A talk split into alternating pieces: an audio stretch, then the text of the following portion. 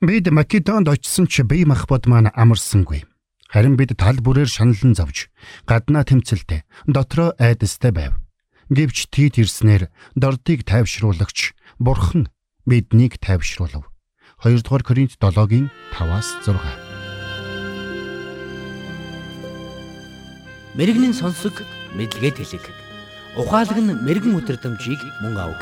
Доктор Харалт цаалогийн мэрэгэн зөвлөмж нэвтрүүлэг.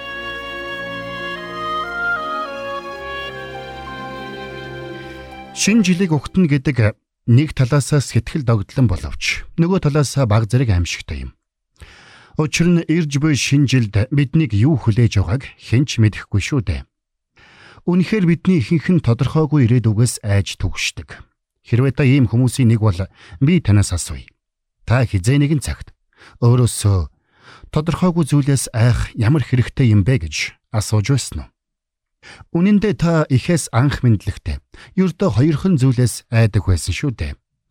Эхнийх нь чанга дуу чимээнээс, хоёр дахь нь өндрөө сунахаас. Гэвч том болж ухаан орох хэрээр таны айдас улам бүр нэмэгдсэн. Тэнхүү насанд хүрэхийн алдад бидний айдаг зүйлс маш олон болж хувирсан байдаг шүү дээ. Сэтгцийн нэр тэмч доктор Эрнест Томпсон хэлэхдээ Зөвхөн эмнэлгийн тусламж авах шаардлагатай болчихсон сэтгцийн эмгэгтэй хүмүүс л айдаст автчихсан байдаг гэж бид ойлгож болохгүй. Харин ч эсрэгээр эгэл жирийн амьдралаар амьдарч байгаа маш олон хүн айдсаас болоод амьдралын баяр хөөр аз жаргалаа алдаж байдаг. Учир нь айдас төгшүр санаа зовнилоос ангид амьдардаг хүн гэж үгүй гэсэн байдаг. Үнэн дээр бидний ихэнх нь маш чадварлаг жүжигчд болчихсон байдаг. Бид гаднаа инээж юу ч болоогүй юм шиг аашилж өөртөө ихтгэлтэй дүр эсэгдэгч дотроо айдас төгшүрт автчихсан явж байх үе олон тохиолддог. Маш олон хүн гаднаа амжилттай яваа хүний дүр эсэгдэгч тэр багны цаана айдас давтсан зүрх нуугдж байдаг. Тэгвэл айдсаас тэр дунд тодорхойгүй ирээдүгээс айх айдсаас бид хэрхэн ангижрах вэ? Эсвэл энэ нь муухай цагаагаар татврын нэхэмжлэх шиг бидний амьдралд зайлшгүй байх ёстой таагүй зүйлсийн нэг юм уу? Маш олон хүн бидэн рүү айдсаасаа хэрхэн ангижрах вэ хэмээн асуусан загтлуудыг илгээдэг. Тэд надаас би айдсаа хэрхэн ялан дийлэх вэ хэмээн асуудаг. Гэхдээ ингэж асууж буй хүмүүсийн ихэнх нь надаас ямар нэгэн бодиттой хариулт авна гэдэгтээ эргэлзэж байгаа нь мэдрэгддэг. Тэд намайг зүрхээ чангалаад айдастайгаа хамт мөр зэрэгцэн амьдарч сур гэж хэлэх байх гэж боддог. Гэвч энэ бол айдсын асуудлыг шийдэх хамгийн оновчтой шийдэл биш гэдгийг бид сайн мэднэ. Элч Паул Тимотед хандан бичсэн загталда Бурхан бидэнд айдсын бус харин хүч, хайр ба бие захирах сүнсийг өгсөн. 2 дугаар Тимот 1:7 гэсэн байдаг. Өөрөөр хэлбэл айдас хүдэст хүлэгдэх нь Бурханы хүсэл биш гэдгийг Паулинд тодорхой хэлсэн байна.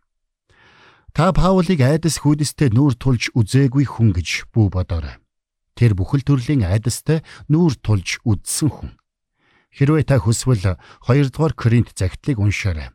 Энд Паул зүрх сэтгэлээ уудлан бичсэн байдаг. Ингэхдээ Паул Македонд анх очихдоо гаднаа тэмцэлтэй дотроо айдастай байсан тухайга өөрөө ч хүлээн зөвшөөрсөн байдаг. 2 дугаар Коринт 7-гийн 5-ыг үзнэ. Тэгвэл Паул тэр их айдас хүдстэйгээ хэрхэн тэмцэж байсан бэ? Миний түрүүн иш татсан ишлэлд Паул бидэнд энэ асуултын хариултыг өгсөн байна.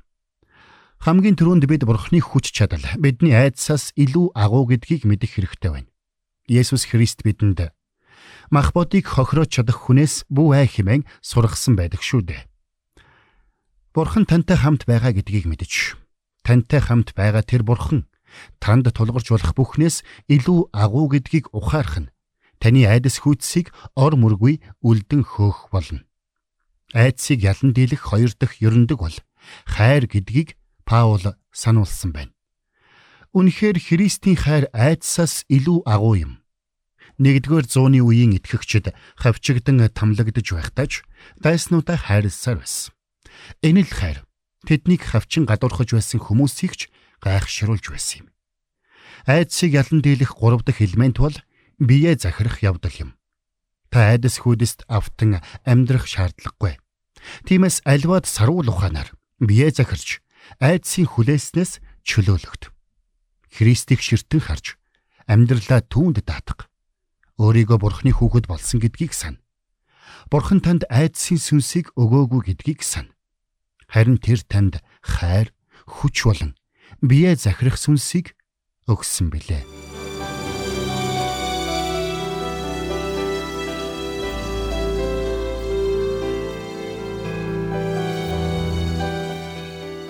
Мэргэн нэгнийг дагуул мэргэн, мулгуутай нөхөрлөл хорлол. Доктор Харалт цайлигийн мэрэгэн зөвлөмж нэвтрүүлэг танд хүрэлээ.